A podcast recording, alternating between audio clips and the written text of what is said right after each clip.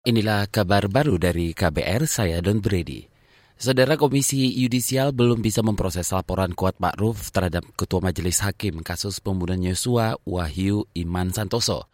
Komisioner KY Joko Sasmito mengatakan pemeriksaan terhadap hakim yang tengah menangani perkara merupakan bentuk intervensi. KY tidak akan memanggil terhadap terlapor yang sedang memeriksa, sedang mengadili, sedang memeriksa perkara yang sedang ditangani. Karena itu termasuk bentuk intervensi dari KY terhadap uh, majelis hakim. Sehingga kenapa ini belum dituntaskan untuk diselesaikan, yaitu tadi menunggu sampai perkara itu selesai karena khawatir nanti kalau langsung diselesaikan sekarang nanti ada dugaan lagi lain, pelanggaran lain sehingga ada laporan lagi.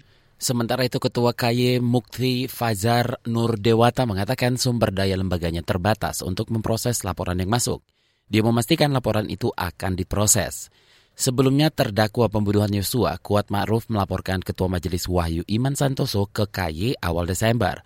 KY tidak menjelaskan rinci dugaan pelanggaran yang dilaporkan. Risiko ekonomi Indonesia akan bergeser dari pandemi COVID-19 ke gejolak ekonomi global pada tahun depan. Ini disampaikan analis kebijakan Badan Kebijakan Fiskal Dewi Puspita.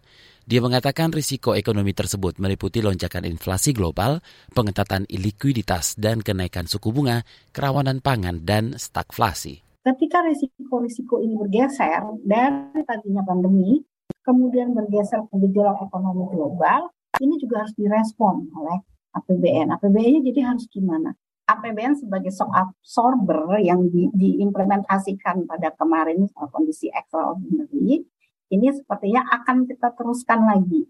Analis kebijakan BKF Dewi Puspita mengatakan pemerintah akan mengoptimalkan APBN untuk merespon perubahan perubahan pertumbuhan ekonomi.